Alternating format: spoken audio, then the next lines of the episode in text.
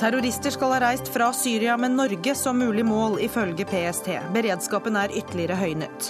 Norske muslimer frykter stigmatisering i forbindelse med terrortrusselen. Byrådslederen i Oslo deltok i fredagsbønnen. Norway Cup behandles som mulig terrormål. Barnecupen påvirkes også av bombene på Gazastripen. Arrangør Frode Kyvåg står midt i det internasjonale nyhetsbildet. Og skottene arrangerer idrettsleker med over 50 land, mens de forbereder folkeavstemning om løsrivelse fra den britiske union.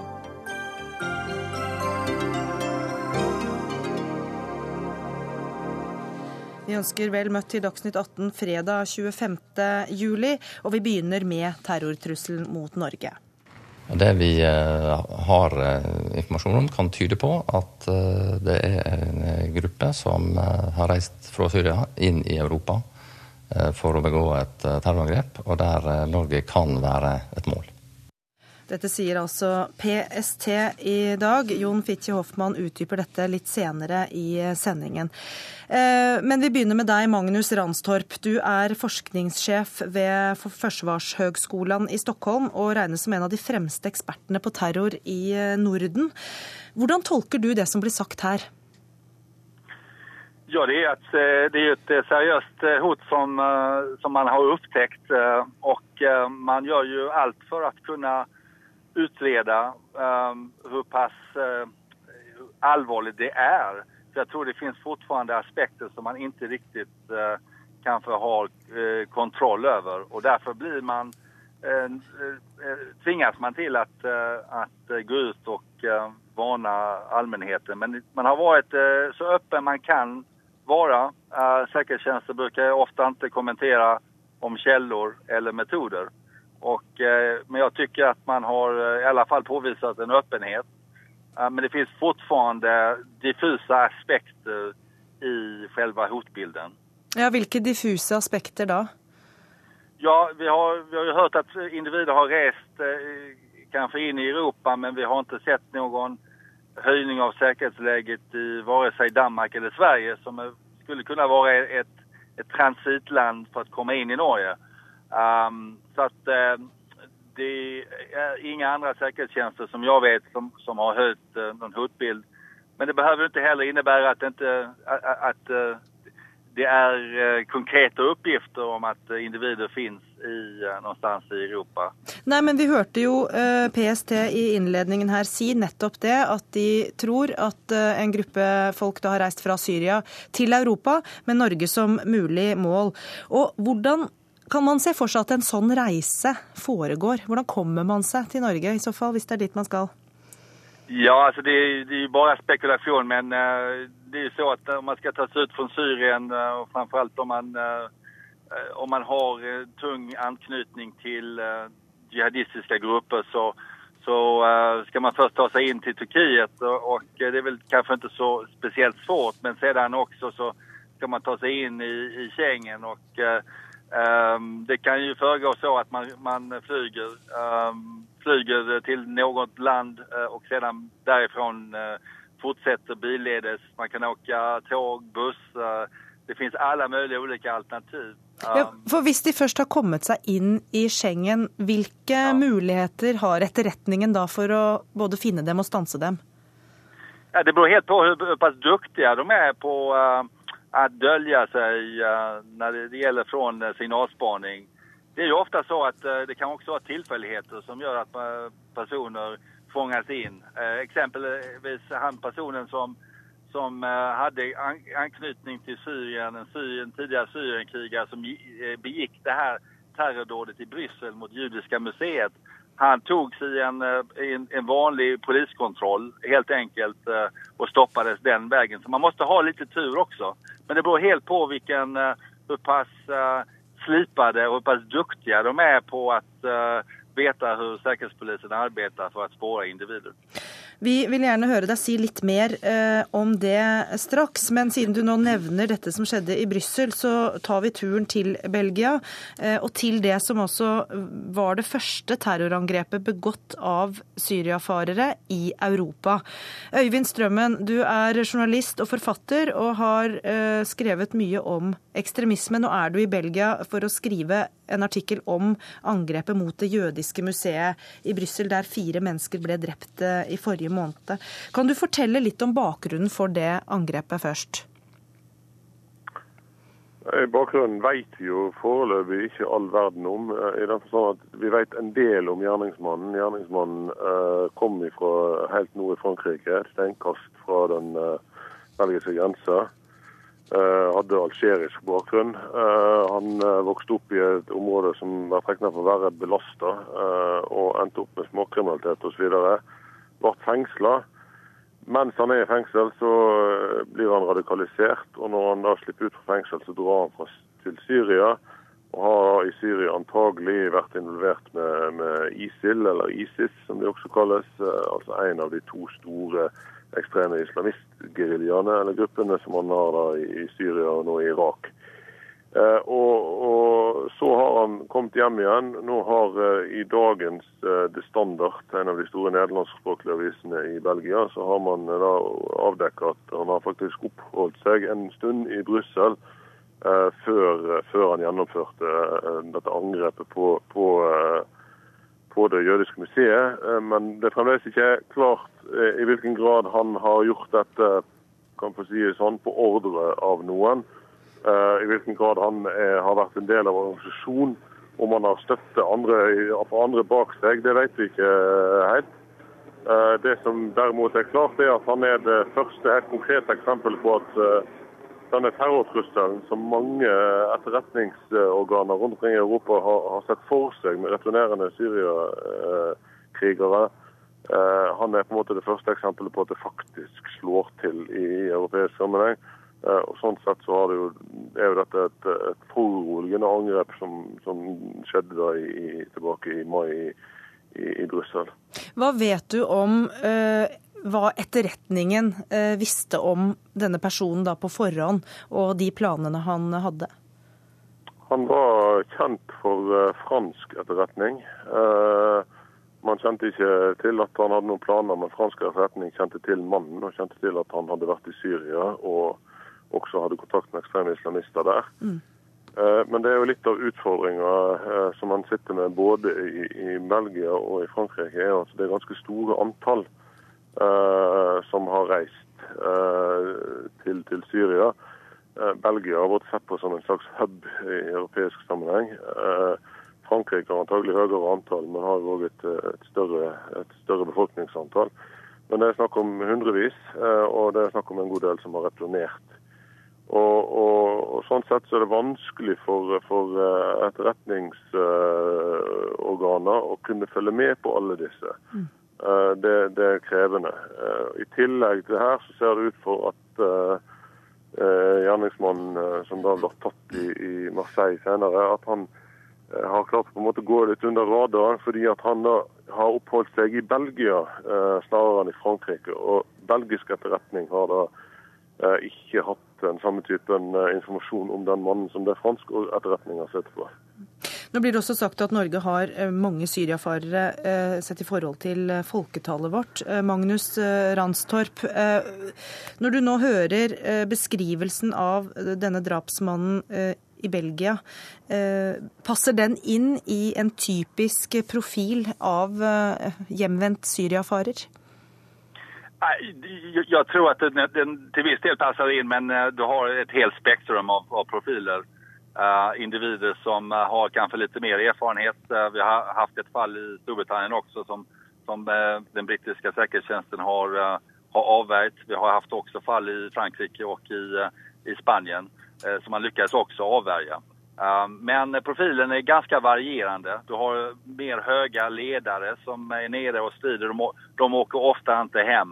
Eh, men de kan være med at, hva skal vi säga, vända om. För de flesta som åker från Norge, Sverige, Danmark och Europa de vill ju ner dit och strida där nere. De har, de har ofta ingen tanke på att komma tillbaka eller att, att genomföra dåd hemåt.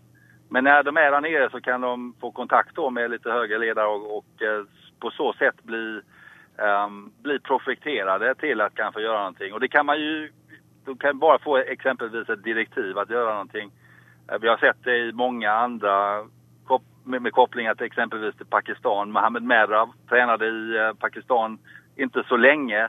Men sen så fick han ett uppdrag att uh, åka hem till uh, Frankrike och uh, attackera framförallt israeliska judiska måltavlor och det fick han själv bestämma hur han ville göra. Så att det, det, är, det är väldigt varierande. Og Øyvind Strømmen, målet for terroristen i Belgia var det jødiske museet. Kan man se noen tendenser til altså, valg av mål, da? Klart, det har Man jo Man har jo sett flere eksempler på at jødiske samfunn eh, er, er særlig sårbare. Uh, og Det er jo og det er jo det som er litt vanskelig når man nå i Norge har den store debatten om hva er det som gjør Norge som er interessant som et mål, eller hvorfor skal Norge angripes. Så både overser man litt den ideologien som faktisk ligger bak der Norge er en fiende, men man overser også at det utmerka kan være f.eks. jødiske samfunn i Norge eller det kan være amerikanske interesser i Norge som også er interessante som, som terrormål. Og Det har vist seg at en del av de ekstreme islamistiske angrepene man har hatt i Europa, eh, også retter seg konkret mot, eh, mot jøder, eh, mot europeiske jøder. Eh, og Toulouse og Mera, som, som eh, Ranstorp nevner her, er jo et veldig godt eksempel på det. Og det som skjedde i Brussel nå, er et veldig godt eksempel på det. Mm. Så, og i den situasjonen vi har i, i, Norge nå, beklager, eh, så er de jødiske museene både i Oslo og i Trondheim stengt, og sikkerheten rundt dem er høynet i forbindelse med den trusselen vi nå står overfor. Vi har også med oss Sissel Levin, som er direktør ved Det jødiske museet i Oslo. Hvordan reagerer du på det du hører fra Øyvind strømmen i, i Belgia her nå? Ja, Først vil jeg jo si at eh, det som skjedde i Belgia var jo et sjokk for alle jødiske museer. Og vi tar det til etterretning med det som skjedde med våre kolleger. Men nå vet vi at antisemittismen vokser over hele Europa. Jeg tror folk generelt ikke forstår hvor alvorlig det er, og hva dette innebærer, og etterspør mer hvor hatet kommer fra, og hvordan det får mulighet til å gro. Men når det er sagt, så vil jeg jo si at det er, bekym det er bekymringsfullt for hele Norge. Det rammer jo alle i Norge om noen ønsker å føre en slik kamp på norsk jord. Hvilke tiltak har eh, dere ved Jødisk museum i Oslo satt i verk nå, når denne situasjonen da er oppstått? Eh, Jødisk museum i Oslo er en åpen kulturinstitusjon for hele samfunnet.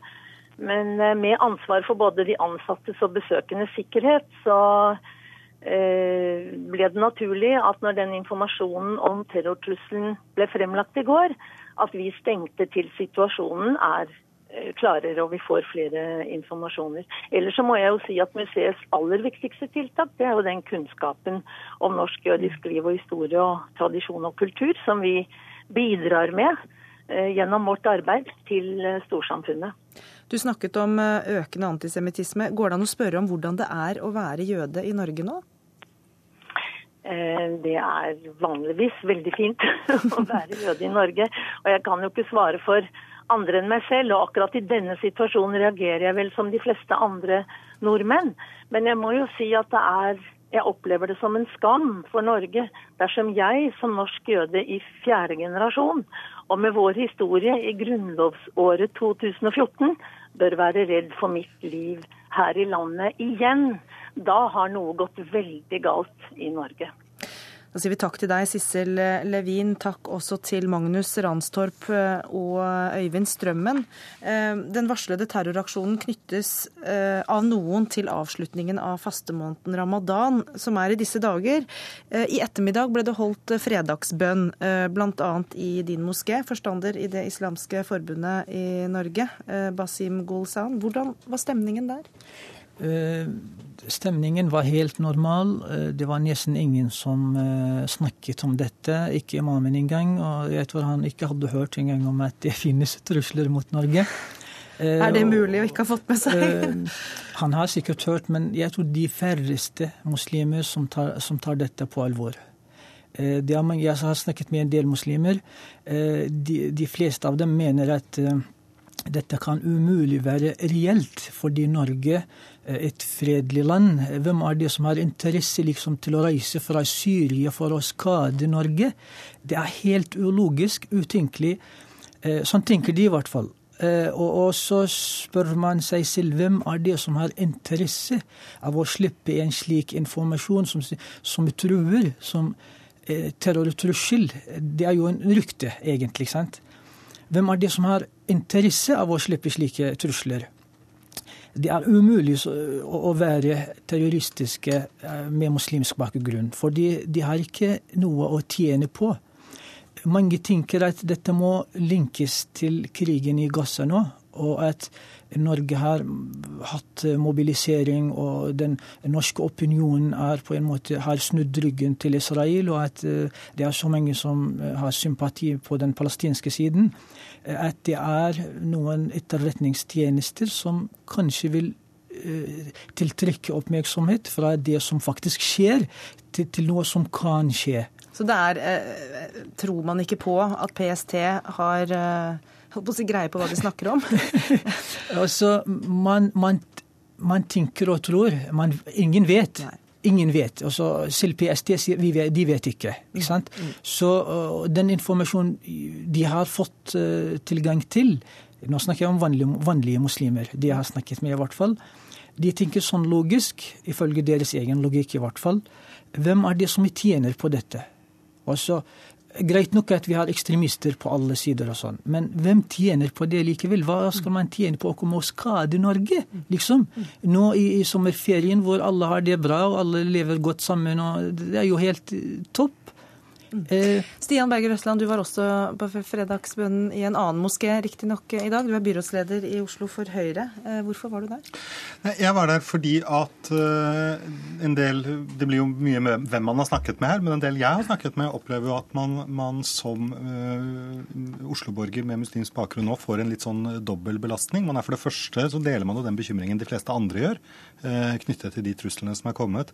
Men i tillegg til det så er det jo mange som opplever denne mistenkeliggjøringen av av det å være ung muslimsk, eh, særlig mann, eh, i Oslo. At man liksom får en sånn dobbel eh, belastning. Og jeg syns det er viktig at vi forsøker å slå ring om at i vår by så er vi en flerkulturell by. Det betyr at eh, vi kommer til å ha mennesker med ulik religiøs bakgrunn, ulik eh, etnisk bakgrunn. Men vi er først og fremst Oslo-borgere. Men har du møtt unge muslimske menn som blir mistenkt for å være hjemvendte syriafarere og potensielle terrorister? Nei, men du, altså det, som er, det, som er, utfordringen, tror jeg, for mange unge muslimske menn i Oslo eh, og Norge i og for seg i dag, er jo at man, eh, at man, møter, kanskje ikke fra folk flest i Norge, men fra en del av de som hva skal vi kalle nettroll, og, og en del av de som roper veldig høyt, får en del eh, stempler. At terror er det samme som islam, at hvis du er muslim, så er du en potensiell terrorist. Og slik er det jo ikke. og jeg tror det er viktig at vi fra eh, resten av, det norske samfunnet er med og forteller at vi vet at det ikke er sånn. Eh, og så er det sikkert noen eh, i, i, miljøene som, som, mener at dette er meningsløst, eller mener at det er eh, konspirasjoner. Men jeg tror ganske mange kjenner på frykten for byen, for landet, for nærmiljøet sitt. Men i tillegg så får de denne litt mistenkeliggjøringen, og det syns jeg det er viktig at vi, at vi forsøker å, å, sette noen ord på. Ja, Gosland, kjenner du igjen den mistenkeliggjøringen? Eh, personlig har jeg ikke opplevd noe spesielt, men jeg har snakket med noen som har kjent det på kroppen, at eh, de blir sett på som eh, en slags fare. At man er skeptisk til dem bare fordi de hadde annen farge på håret. Og så har de gått og snakket med vedkommende for, for sikkerhets skyld, og det viser at ja, faktisk, de var skeptiske til, til han. Ikke sant? Så det, det skjer. Det, men jeg håper at dette er eh, unntakstilfelle. Personlig har jeg ikke opplevd noe sånn. Og, jeg, sånn logisk sett, da, tenker at eh, befolkningen i Oslo nå har jo fått lære, peng, eller, lærdommen av 22. juli for tre år siden. Og at eh, det vi trenger minst, er å mistenkeliggjøre hverandre. Vi må stå samlet, og at vi må ikke spre eh, frykt og mistanker om hverandre. Jeg tror vi har lært noe av det. Så jeg, tror ikke det vil bli sånn mistenkeliggjøring på høy skala. Ja. Hva kan dere som da eh, opererer i det muslimske eh, miljøet gjøre for å fange opp mulige eh, radikaliserte eh, ungdommer?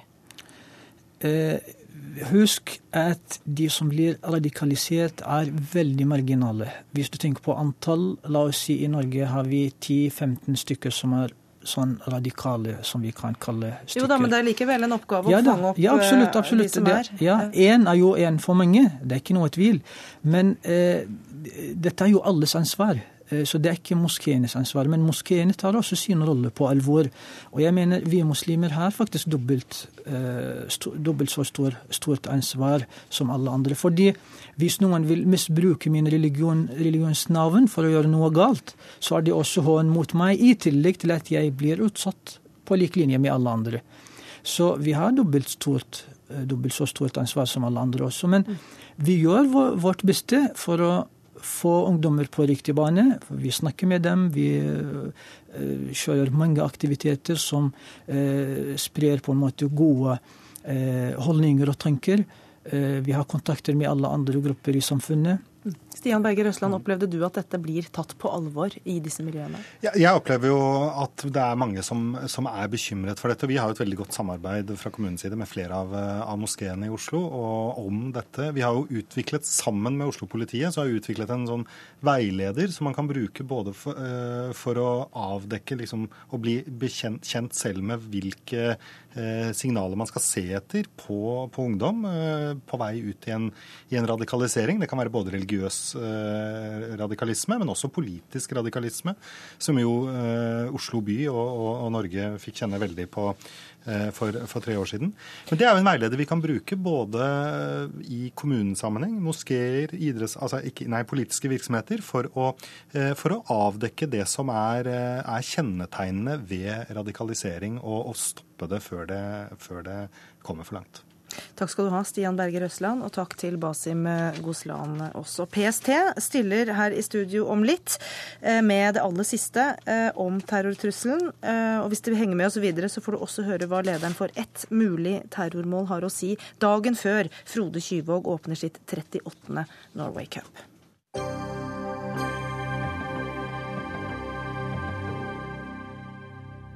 Men aller først skal vi til situasjonen i Gaza. I dag har det kommet meldinger om nye drepte og flere sårede.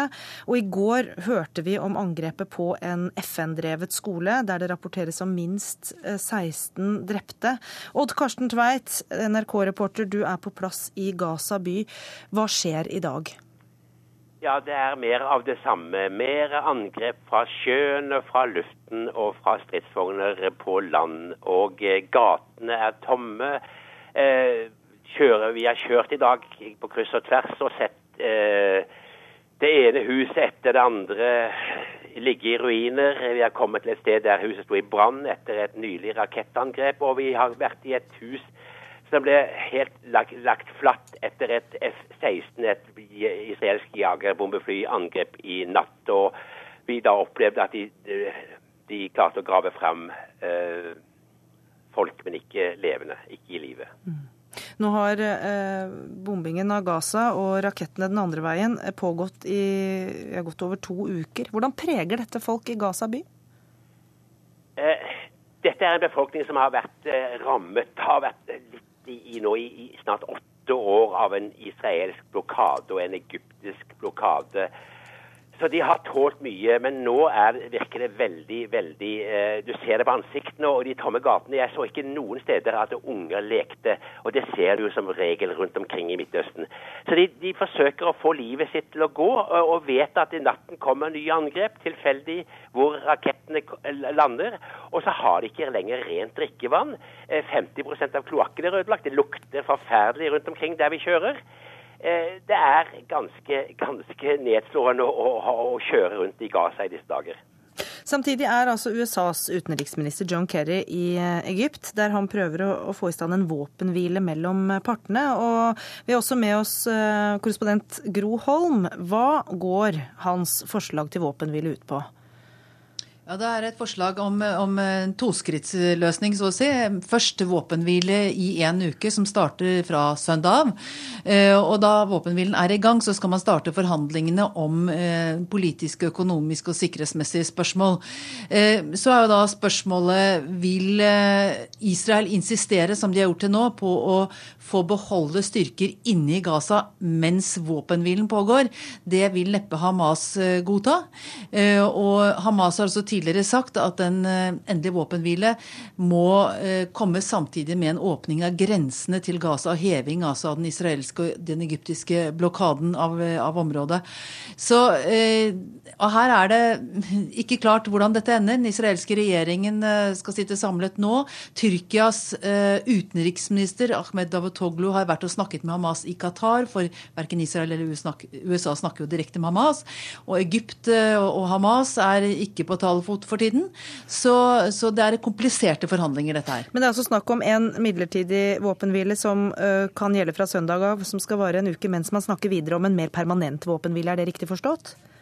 Ja, det er riktig forstått. Og her FNs generalsekretær Ban Ki-moon har også vært på banen og sagt han tar til orde for det han kaller ikke en våpenhvile, men en humanitær pause. Mm. Slik at folk kan få kjøpt de aller nødvendigste ting gå til banken osv., skaffet seg vann. Altså, og det, eh, det, er nok noe som jeg tror at eh, Hamas vil være interessert i. Tidligere så har slike humanitære pauser ofte bare vart noen timer eller kanskje et døgn. Eh, en hel uke er kanskje vel ambisiøst. Fordi Israel har jo sagt at de vil fortsette å bombe og, og skyte med artilleri til Hamas sine tunneler er ødelagt. Ja, og Karsten Tveit, her hører vi altså hva som foreligger som et forslag. Hvordan reagerer partene på dette forslaget? Folk flest her eh, sier at vi kan ikke altså Da snakker jeg om palestinerne på gata. sier at eh, For oss er det viktig å få en langsiktig løsning. Vi kan ikke bli holdt i et fengsel år ut og år inn. Så selv om mange kanskje ikke helt er enig med, med Hamas i ett og alt, så er dette en nasjonal krav nå om at, om at eh, isolasjon må oppheve. Eh, det er jo et håp om at denne muslimske høytiden som begynner på mandag, enden på ramadan, skal liksom bli en fredens stund. Men det er ingen som tør å våge noe som helst. Og jeg har fått vite i dag at eh, den eh, Hamas-ledelsen i, i, utlandet får litt støtte av Tyrkia i å være litt hard, hardere på kravene. Mens Egypt står helt brask og brann med Israel her. Så det er komplisert, som Gro sier. Ja, og hvordan, hvordan, er de offisielle reaksjonene fra Israel og Hamas, da? Eller, ja? Ja, de sitter nå i sikkerhetskabinettet og, og, diskuterer dette, men i Israel er det sterke krefter som ønsker nærmest å gå inn og reokkupere Gaza og kutte slangens hode, som de sier, og betegner da Hamas. Eh, privat, sier eh, Kilde, jeg har snakket med den israelske hæren, vi venter selvfølgelig ikke å kunne knuse Hamas. Hamas er en bevegelse som har masse folk bak seg. Dette er et parti. Dette er mye politikk. Det skjer mye bak kulissene, og man skal ikke tro på hva vi hører. Vi må se på hva som skjer. Og Kerry er jo nå da i Egypt eh, når han jobber med disse eh, fredssamtalene. Og i dag kom det også meldinger fra Reuter om at tre personer fra en egyptisk militant gruppe er drept eh, av en israelsk drone. Dette, dette, benekter jo Egypts eh, forsvarsdepartement. Men hvordan vurderer du risikoen for at nabolandene nå skal dras inn mer direkte da, i denne konflikten? Det har jeg liten tro på. Selv om nå eh, palestinerne og jordanerne eh, har eh, begynt å, å, å, reagere. Det har vært større og større opptøyer på Vestbredden. Israelerne svarer med, med skarpe skudd. Tre-fire palestinere er drept nå av bl.a. kolonister og, og, soldater, for de har protestert mot Israels krigføring. Og også i Amman i Jordan har det vært sterke demonstrasjoner. Men at noen av parter, at noen av disse landene griper inn, nei, det har jeg ikke tro på. Tidsrammen, Gro, for disse fredssamtalene, hva er det? Kerry skal etter planen dra tilbake igjen til USA i, i, kveld. Eh, men det spørs jo om det holder. Og jeg vil nok tro at dersom det er noe håp om å få til en våpenhvile fra søndag, så kommer han til å bli så lenge det er nødvendig. Da sier vi takk til NRKs medarbeidere Gro Holm og Odd Karsten Tveit.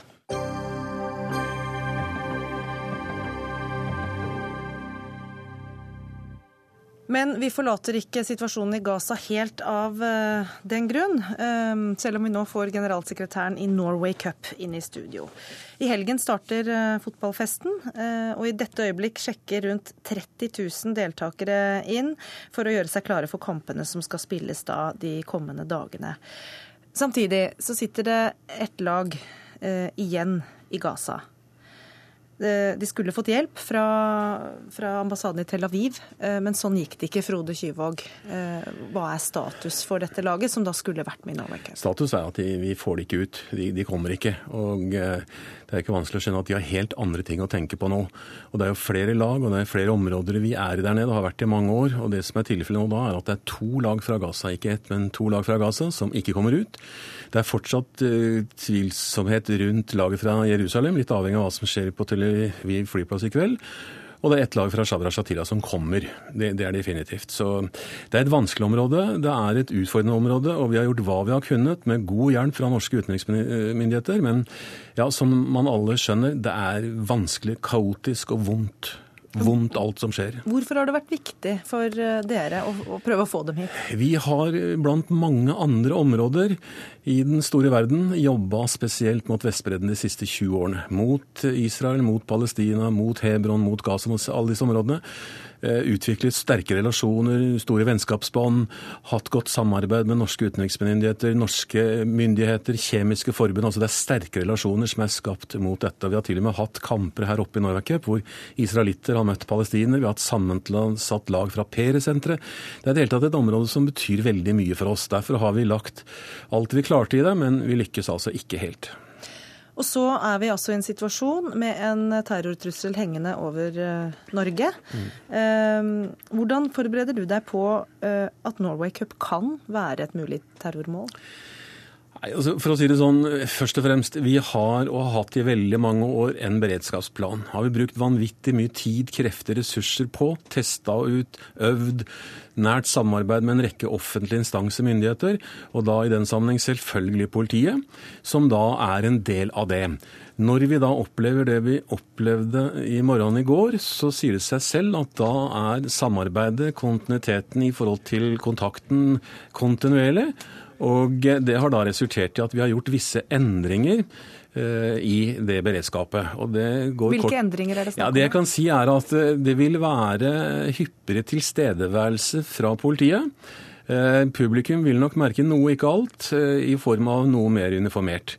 Jeg ønsker ikke å si noe mer enn det i så måte, men jeg kan love, vi har hatt mange møter, vi har kontinuerlig kontakt. Vi stoler blindt på Oslo politidistrikt, som jeg syns er enestående. Og når sjefen sjøl i staben, Johan Fredriksen, går ut og sier jeg hadde i hvert fall sendt ungene mine til Norway Cup, så sier jo det litt også om hvordan vi har det. Og jeg opplever faktisk mye av den kontakten vi har og hatt hele veien som en eh, Ja, det virker nesten som de ønsker å berolige oss. Og jeg regner med at de har sine årsaker til det. Så de 30 000 ungene som skal dit i løpet av uka, de er så trygge som de kan være? Ja, og som jeg har sagt til mange foreldre, ikke minst til hundrevis av journalister det siste døgnet, jeg tror ikke det fins en sikrere plass i Norge til uka enn det er i Norway Cup og på Ekeberg. Du var også med og arrangerte Norway Cup for tre år siden. Eh, det var dager etter 22.07.2011. Hvordan er det å stå i en sånn situasjon igjen, da, på en måte? På mange måter så er det forferdelig. For det er, det er klart, det vekker minner. Det, det, forsterker de inntrykkene som stadig dukker opp på netthinnen. Det er jo ikke lenger enn så langt unna. Og det var selvfølgelig en helt, helt uh, uvirkelig, forferdelig situasjon. Og eh, etter at ting utviklet seg gjennom fredagsnatta inn mot lørdag morgen, og vi begynte å få kontakt med politisk ledelse, regjering, storting, politiet, og var veldig i tvil om vi skulle arrangere, og vi fikk ganske snart da responsen både i Parkveien og hos politiet at ja, det skulle vi. Norway Cup kan være den første plassen hvor man begynner å gjenvinne tapt terreng og ta tilbake hverdagen. Så ble jo arrangementet veldig mye annerledes, med roseopptog og ikke karneval, eh, en eh, minnestund på flere områder, en konsert som sto i det tegnet. altså det ble ble veldig spesielt. Og det er ikke noe tvil om at når du da våkner til det du gjør i går i morges, så kommer noe av dette opp igjen. Og det er eh, Jeg syns det er tøft, jeg må ærlig innrømme det. Mm. Vil man gjøre noe spesielt eh, denne gangen? Nå er det jo en annen situasjon, ja. selvfølgelig. Nei, altså Det vi gjør, og det syns vi gjør med rette, det er å tone det ned. Altså, Folk må ikke frykte. Eh, vi, vi, eh, må forklare og forstå at Oslo er det samme i dag som det var i går, og det er helt sikkert i morgen. Men samtidig så er det ikke noe tvil om at noen reagerer negativt, noen blir redde. Og jeg skjønner det, jeg. Jeg har snakket med hundrevis av dem. Og det beste vi da kan gjøre, er jo nettopp å berolige og forsikre. Men noen garantier kan man jo ikke gi. Og det gjelder jo like mye om du er i Molde som du er i Oslo som du er i Kirkenes. Men som jeg har sagt hele tiden, og det har vært sånn i mange år, vi gjør hva vi kan og enda litt til for at alle skal komme trygt hjem. Og det er vår desidert største målsetning med vårt arrangement hvert eneste år. Alle 32 000 ungene skal trygt hjem igjen til mor og far. Dempe frykten, fotballen i sentrum. Mm. Men hvilke andre verdier enn fotball eh, representerer eh, Norway Cup når man da samler 30 000 barn og unge fra hele verden? Vi er jo særdeles opptatt av det vi etter hvert har tillatt oss å kalle det fargerike fellesskapet. Den verdiplattformen som ligger knytta til det. Og Det betyr jo at vi er i en privilegert situasjon hvis vi gjør det på en ydmyk, ærbødig, ordentlig måte. Hvor vi kan spre budskapene, hvor vi kan lage aktivitetene som handler om å bekjempe hverdagsrasismen, redusere vold, stoffmisbruk landbruket, skape gjensidig forståelse og respekt på tvers av landegrensene. Og her har vi både ledere og ungene med oss til de grader. Og det er jo det som er mangfoldet, det som er utfordringa, og det som i hvert fall er min personlige drivkraft år etter år, det meningsfylte som ligger i det. Og jeg kan love deg, det har vært tusenvis, og er fortsatt det samme, som er opptatt av dette. 25-30 lag hvert år, invitert som våre spesielle gjester fra spesielt vanskelige områder. Vennskapsklubb rundt det ganske land, om det er Sogndal eller Brumunddal eller Mjøndalen hvor de reiser. Og dette skaper en masse flotte synergieffekter. Fargerikt fellesskap, eh, sier du. Jeg vet ikke om du rakk å, å høre på det vi snakka om rett før du kom inn her, men altså frykten for stigmatisering av eh, folk med altså muslimer i Norge? Vi lever i et flerkulturelt samfunn, og vi tillot oss å si allerede i 86 at selv om man liker det eller ikke, så skal det norske samfunnet bære preg av det flerkulturelle etter hvert. Og om man liker det eller ikke, så har altså vi da prøvd og gjort så godt vi har kunnet for å nettopp skape disse forståelsene og viske ut disse grensene. Og det er jo det verste man kan gjøre, det er jo å stigmatisere. Det verste man kan gjøre er å forrykke demokratiet, ytringsfriheten. Og det, det er jo det vi så gjerne ønsker at våre nye landsmenn og -kvinner skal være en del av det mangfoldet. Og der jobber vi ut utrettelig og føler og tror at vi gjør en OK jobb. og Det viser ikke minst også alle hedersprisningene vi får i så måte. og Det er vi takknemlige og glad for. 38. gang du er med og arrangerer, eh, og det åpner i morgen. Eh, første avspark er vel søndag, og så er det finaler igjen neste helg. Er ikke det riktig? Det er helt riktig. Takk skal du ha, Frode Kyvåg. Nå får vi PST inn døra her, så hvis du vil høre helt eh, i begynnelsen om han har noe å berolige deg med, så kan du sitte litt til, og så kan du gå så fort du har hørt det. Velkommen, Jon Fitje Hoffmann fagdirektør eh, i PSTs analyseavdeling. Eh, ja, aller først, kan du berolige eh, Kyvåg her med at disse ungene på Norway Cup er trygge? Ja, jeg kan iallfall eh, ikke si det motsatte. Vi ser ikke noen grunn til at eh, det skulle være et arrangement som er noe spesielt eh, utsett. Hvor mye beredskap har man i forbindelse med det arrangementet nå? Når det gjelder sikkerhetsmessige tiltak eh, og beredskap der, så er det Oslo politidistrikt som, som står for det, og som, eh, som, har planlagt det. Så det kan jeg faktisk ikke svare på. Men eh, det som er gitt av signal fra Oslo PD, er at en her tar høgde for, for, flere ting, og, og, ha en tilstrekkelig sikkerhet og tilstrekkelig beredskap. Føler du deg beroliget nå? Ja, altså, jeg, så absolutt. Bra, da kan vi takke deg ordentlig av. Takk skal du ha. Eh, kan du fortelle oss hva som er siste nytt eh, angående denne terrortrusselen nå? Ja, Situasjonen i dag er egentlig ganske uendra i forhold til i går. Eh, vi har jobba intenst i dette døgnet, men det er så vidt jeg vet per nå ikke kommet noe ny, eh, og, og kanskje ny informasjon som, som, endrer det store bildet. Men vi hører altså at en gruppe skal ha forlatt Syria eh, med Norge som mulig mål, og at de er i Europa. Kan du bekrefte det? Altså, jeg, jeg, kan bekrefte at det er de opplysningene eh, som vi har fått. Men dette er jo informasjon som er uverifisert. Og det er det vi jobber med å verifisere. Så dere vet ikke eh, hvem de er, hvor de er, eh, hva de skal? Nei, vi vet ikke det. Eh, det vi vet er at vi har fått informasjon som, som, tyder på at det er en gruppe personer som har reist fra Syria mot Europa, og at Norge var eh, konkret nevnt som et mulig mål. det eneste, eller var det flere mulige mål nevnt? Jeg, kan ikke kommentere noe mer enn det som går på situasjonen i Norge. Så, så det vi har jobba med etter at vi fikk den informasjonen, er jo å forsøke å, å, verifisere dette her. Og det vi har sagt er at så langt så er Eh, kan du si, eh, de vurderingene som er gjort, har, har styrka troverdigheten til den opprinnelige informasjonen. Og det er blitt styrket også gjennom dagen i dag? Eh, nei, altså gjennom dagen i dag har ikke det skjedd noe vesentlig endring.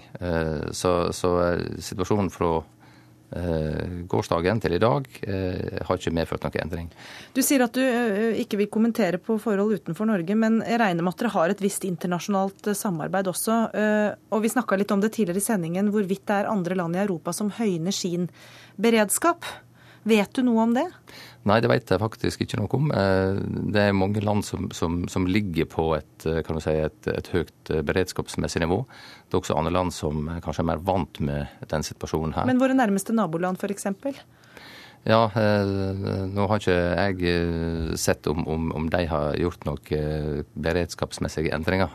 Men jeg har iallfall sett i media at at eh, det er et tema som blir diskutert. Ja, Det ble sagt tidligere her at det er ingenting som tyder på at det har skjedd i Sverige og Danmark f.eks. Og jeg tenker disse mennene må jo, eller menn sier jeg, vi vet jo ikke hvem de er, men de må jo på en eller annen måte komme seg til Norge, eh, skulle man tro, hvis det er her de skal ramme. Og hvordan jobber dere for å forhindre at de kommer seg hit?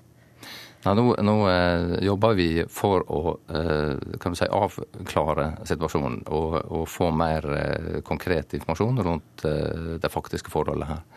Eh, og vi bruker ulike eh, innsamlingskilder. vi har våre, våre, egne metoder som vi bruker. vi snakker med folk som vi mener kan ha relevant informasjon. vi får en rekke tips fra publikum. Og vi får, som du sier, også eh, informasjon fra samarbeidende tjenester. Så, så det er et uh, tett og godt, uh, og det er et permanent samarbeid mellom sikkerhetstjenestene i Europa. Så det er helt naturlig at, at vi får informasjon, og at vi utveksler informasjon med dem. Er det konkret, eller Hva gjøres med eh, konkrete personer man, har, eh, man følger med på eh, i Norge, eller for så vidt som man vet om er eh, ute i, i, Syria, eller har vært der? Ja, Det er jo litt, eh, litt ulikt eh, hva en gjør, eller hva slags informasjon en samler inn. Noen personer vil jo være relevant faktisk å, å snakke med. Eh, andre vil jeg kanskje samle inn eh, informasjon på, eller, eller, foreta en eller annen form for eh, observasjon av. Er det snakk om å begrense noens bevegelse i denne perioden? Altså Konkrete tiltak eller konkrete uh, åtgjerder fra vår side kan ikke jeg uh, gå inn på. Uh, og, det har jeg heller ikke full oversikt over. og det kan variere litt. Det er noen som vil ha tak i deg. De får vente. Det kan det variere litt. Ja, nei, det er helt i orden. Ehm, jeg må bare spørre deg om tidspunktet, for det har vært spekulert i det at det nå nærmer seg slutten på eh, ramadan. Hva vet dere om sammenhengen der? Eh, det vi eh, har sagt, er at i den opprinnelige informasjonen vi fikk, så var dette her karakterisert som en trussel som, som ville kunne materialisere seg innenfor relativt kort tid. Og den, den vurderinga den, den, står ved lag. Vi har ikke noe eh, informasjon som, som tilsier noen endring der. Men det betyr ikke at, eh, at dette er en trussel som, som, har en helt klar utløpsdato. Det må vi vurdere når den tid kommer. Og forhåpentligvis da har vi kanskje også mer informasjon å vurdere det på bakgrunn av. Men det ble sitert tidligere i dag at mandag er en mulig aksjonsdag. Hvor spesifikk vil du være på tidspunkt? Nei, jeg tror ikke vi skal være altfor spesifikke på tidspunkt. Eh, eh, men eh, som jeg sa, så, så hadde den opprinnelige informasjonen et, et tidsaspekt som tilsa at hvis noe skulle skje, hvis noe skulle skje, så ville det kunne skje ganske raskt eller innenfor en veldig kort eh, tidsperiode. Men samtidig har vi hørt politiet, eh, Politidirektoratet i dag si at man har eh, gjort eh, ting for å kunne holde denne beredskapen gående eh, over lengre tid. Er det noe som har endret seg eh, med tanke på tidsperspektivet? Det er ikke noe som, som har endret seg, men det er klart, som jeg sier, så, så er det ikke noe sånn klar utløpsdato på den trusselen. Vi kan ikke si på tirsdags morgen at uh, nå er det hele over, uh, så, så, nå kan jeg bare slappe av og nå kan jeg bare avvikle alle sikkerhetstiltak. Uh, det er fornuftig å ha en beredskap for å kunne trappe opp og for å kunne holde beredskapen over tid, men dette må en jo vurdere etter hvert som, som tida går, etter hvert som informasjonen blir innhenta og vurdert, og, og, og så må en ta det derifra. Det, det er altfor tidlig å konkludere nå på at den trusselen her eh, ikke har gyldighet eh, på tirsdagsmorgen. Da er vi egentlig ferdig, men du skal få lov til å sjekke den tekstmeldingen som kom der. I tilfelle det er noe vesentlig nytt, så skal du få lov til å fortelle oss det også med det samme. Ja, det, det... Eller handler det om helt andre ting? ja, nei, det, jeg tror jeg lar det være. Lar det være. Ja. Tusen takk skal du ha i hvert fall for at du kom til Dagsnytt 18, Jon Fitje Hoffmann, som altså er fagdirektør i PSTs eh, analyseavdeling. Og inne i studio får vi Hanne Skartveit, som er eh, kommentator i eh, VG. Hvordan vurderer du denne situasjonen? Det er en veldig uvant situasjon for oss. Det er krevende. Eh, jeg tror alle ble overrasket eh, da det kom, samtidig som vi ville hatt en mental beredskap alle sammen på at dette veldig naturlig kunne skje også i Norge. Men det er land i Europa som har på en måte lært seg å leve med en terrortrussel hengende over seg. Må vi også venne oss til en ny hverdag i Norge? Jeg tror det. Eh, det er klart vi har hatt terror. Det begynte jo med Eller det begynte ikke, men den første store var jo 9-11 i 2001. Og så har vi hatt London, du har hatt Madrid. Eh, du har hatt Bombay, du har hatt veldig mange steder hvor dette har skjedd. Og vi vet at Vesten er truet. Vi vet at islamistisk terror er, eh, har vært en trussel i et par tiår nå. Og vi har hatt 22. juli, som for så vidt ja, vi har hatt 22. var en juli, som jo var et motsatt fortegn, men like fullt vi har hatt terror her. Eh, så dette er ikke Jeg tror vi bare må bli vant til at dette er en del av hverdagen vår. Eh, du, eller VG, eh, skriver i dag at eh, islamistisk terror først og fremst rammer muslimer. Mm. Kan du si litt mer om det? Ja, det er jo flest muslimer som er drept som følge av islamistisk terror. Og det er både sekterisk, at det er mennesker som tilhører en annen retning, shia, sunni, skille f.eks. Det er for å skape frykt. Dette er jo ekstremister. Dette er jo mennesker som har et totalitært verdenssyn som vil styre hvordan andre mennesker skal leve.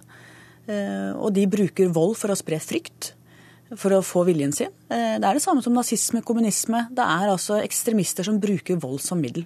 Vi snakket tidligere her om eh, at de jødiske miljøene kanskje føler seg litt truet nå. Det du sier her, du er ikke redd for at det skal føre til at muslimske miljøer skal komme til å føle en ytterligere utrygghet? Altså, Muslimer føler seg vel eh, stigmatisert og utsatt. Det er veldig viktig at vi husker, at, og det lærte vi særlig 22.07., at det er ikke Terrorisme handler ikke om grupper som er mot hverandre, det handler om ekstremistene, Terrorisme mot oss andre. Den gangen var det en hvit vestkantgutt som gjorde det. Nå er det islamistisk terror som truer oss. Og det er nordmenn, enten det er muslimske nordmenn eller jødiske nordmenn eller eh, kristne nordmenn eller ikke-troende, så er det jo ikke terrorister. Nesten ingen av oss er terrorister. Det er noen mm. som blir det.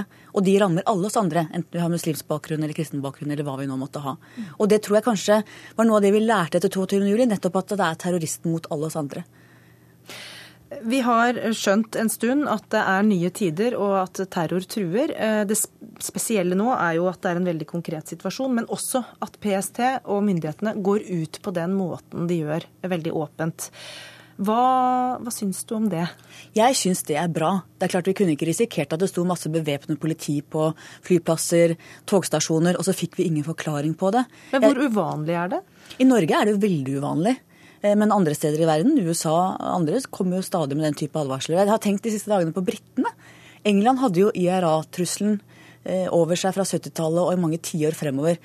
Engelskmennene visste når de gikk på T-banen at der kunne det være en bombe. Og de var rolige keep calm and carry on, som de sier.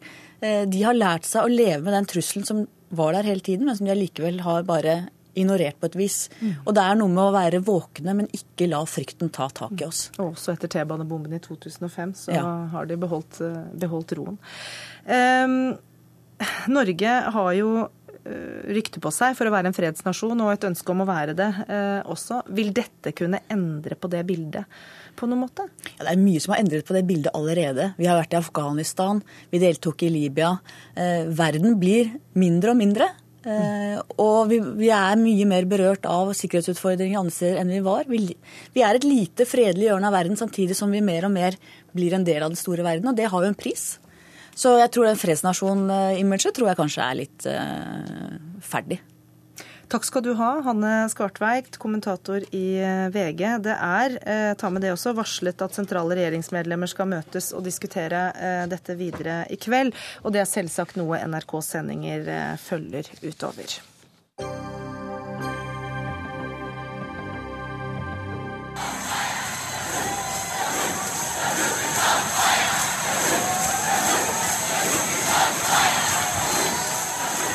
Vi hører her, er eh, vill jubel i Glasgow i forgårs under åpningsseremonien til samveldelekene. Dette enorme idrettsarrangementet er et slags eh, OL for samveldelandene. Det er over 50 land, eh, med hovedsakelig tidligere britiske kolonier og Storbritannia. Og dette skjer altså i et land som om knappe to måneder skal stemme ja eller nei til et selvstendig Skottland. Øyvind Brattberg, du er postdoktor i statsvitenskap ved Universitetet i Oslo og har eh, god kjennskap til eh, Storbritannia. Hva slags eh, betydning tror du det har at de nå er vertskap for disse samveldelekene? Det er i alle fall en potensiell patriotisk betydning, tror jeg man kan si. Det, det, var det også tanken bak fra den skotske regjeringens side. At denne sommeren skulle være Skottlands sommer, og at det ville være en naturlig hva skal man si, naturlig oppbygning mot et, eh, et eh, endelig eh, flertall i favør av skotsk uavhengighet i september. Så tanken er at man skal slå på den patriotiske stortrommet, og at det vil få en, også en opinionseffekt i form av at man ser at man er skotter, at man duger, og at man aller helst skulle vært en selvstendig stat. Og ikke er det bare disse idrettslekene. Det har også tidligere i sommer vært markert at det er 700 år siden et, dette viktige slaget ved Bannock Burn, som var den første store seieren over eh, England. Sånn at det er mye for skottene å feire eh, i år. Så det er ikke tilfeldig, kanskje, at denne folkeavstemningen er lagt til denne høsten? Det, det, er godt gjennomtenkt, er iallfall det slik man kan se det fra, fra sidelinjen, og slik kommentatorer ser det, ser det, Men så er det samtidig veldig vanskelig å, å gi en regi på, på, en beslutning som folket skal ta. Man kan forsøke å, å skyve atmosfæren i den ene eller andre retning, men det er en en, stor beslutning som skal tas, og det er det skotske folket som står bak. Og det er veldig lett å overvurdere også betydningen av eh, det teater som nå utspiller seg i, i Glasgow. Knut Olav Åmås, du har nettopp eh, vært i Skottland, tilbrakt deler av sommeren der. Du er altså eh, nylig avgått statssekretær i Kulturdepartementet, falt, fast spaltist i Aftenposten igjen mhm. nå, og så er du påtroppende leder av eh, Fritt Ord. Men da du reiste rundt i Skottland i, i sommer, hvilke tegn så du eh, til at det er en eh, snarlig folkeavstemning? Eh, det er jo slående å se i Skottland at eh, man nesten ikke ser Union Jack-flagget rundt omkring. Eh, på noen offentlige bygninger, selvfølgelig. men det er like vanlig å se kombinasjonen av det blå og hvite skotske flagget og, og EU-flagget eh, nesten overalt i Skottland. Ellers så er det um, slående hvor velregissert eh, ja-sida i kampanjen for uavhengighet er.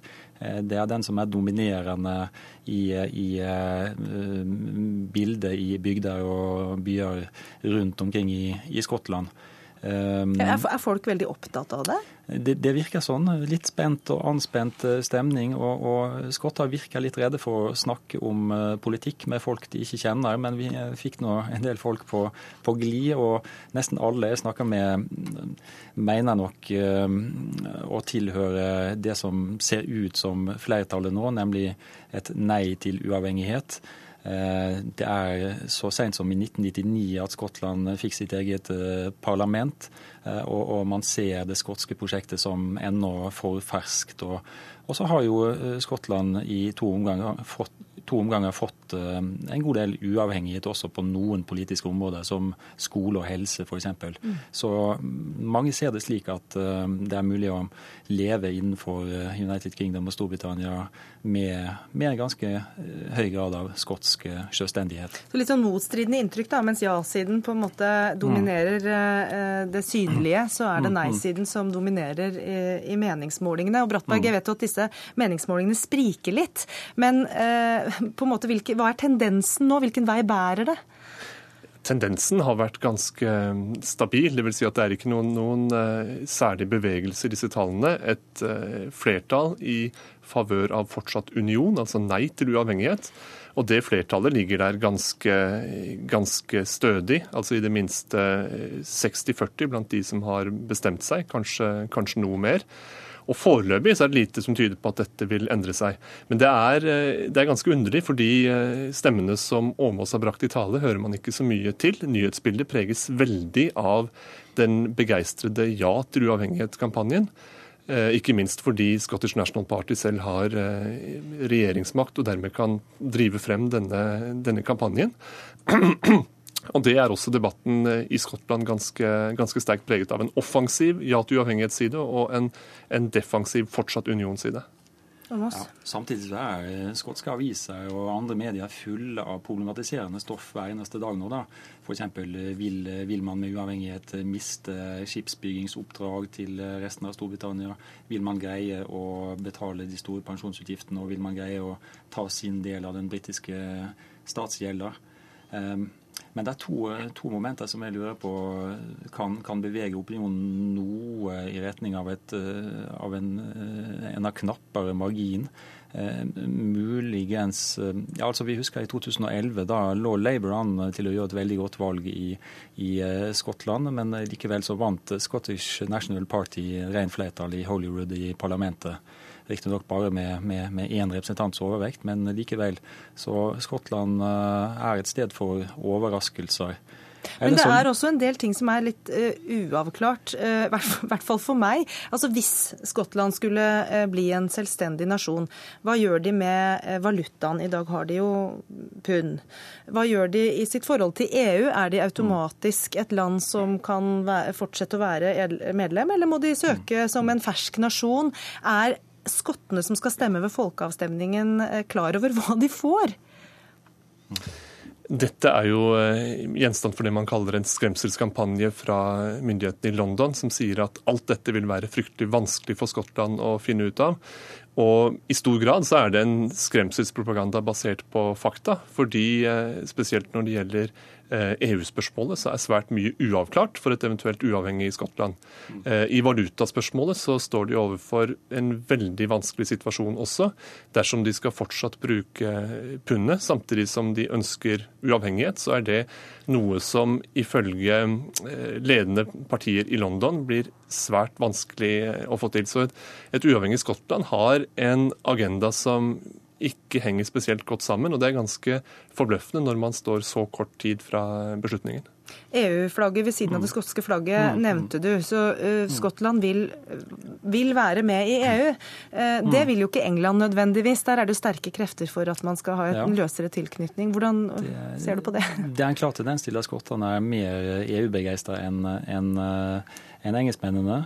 Eh, det jeg lurer på er eh, hvilken betydning eh, disse utskiftningene i, i regjeringen i Westminster nylig vil få, der man har fått inn flere enda sterkere EU-skeptikere enn det man hadde fra før. Det er mulig at det kan skyve den skotske opinionen litt mer i retning av ja til uavhengighet, selv om jeg nok tror at i likhet med Brattberg at det ser ut til å bli, bli et nei. Men eh, noen automatikk i EU-spørsmålet er det uansett ikke, så vidt vi eh, kan tolke talsmenn i, i Brussel. Du tror på et nei. Eh, det jeg vet ikke om det avhenger av hvor godt Skottland gjør det i disse samveldelekene, Øyvind Brattberg, men hva er din følelse med hvilken vei dette bærer? Det er jo det vi skal bruke august og september på å finne ut av. Jeg, min magefølelse tipper i, i favør av et nei enn fortsatt union, med, med, andre ord. Da er det nei, nei herfra. Tusen takk til Øyvind Brattberg, som er postdoktor i statsvitenskap ved Universitetet i Oslo. Takk også til Knut Olav Åmås. Vi tar jo med at eh, datoen er den 18. september. Det er da skottene går til urnene for å si et ja eller et nei. Det var det vi hadde i dag i Dagsnytt 18. Ingebjørg Sæbu hadde ansvaret for eh, denne fredagsutgaven. Det tekniske ansvaret hadde Frode Thorshaug, og jeg heter Gry Blekastad Almås. Og takker for meg i Dagsnytt 18 i denne omgang. God helg.